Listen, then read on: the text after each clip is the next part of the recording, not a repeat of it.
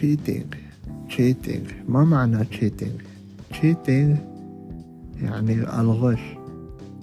الغش cheating some students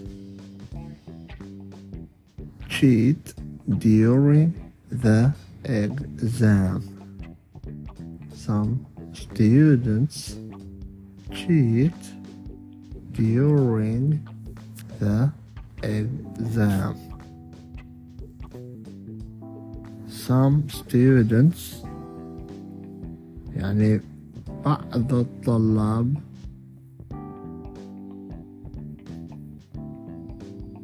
like يعني يحبون أو يحب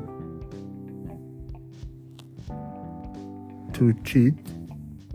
يحبون الغش during during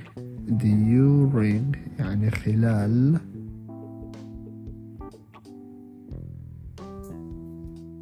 the exam the exam يعني الامتحان some students like to cheat during the exam بعض الطلاب يحبون الغش أثناء الامتحان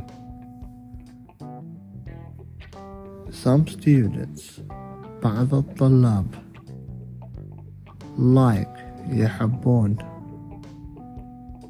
to cheat الغش during the exam during the exam يعني أثناء الامتحان أو خلال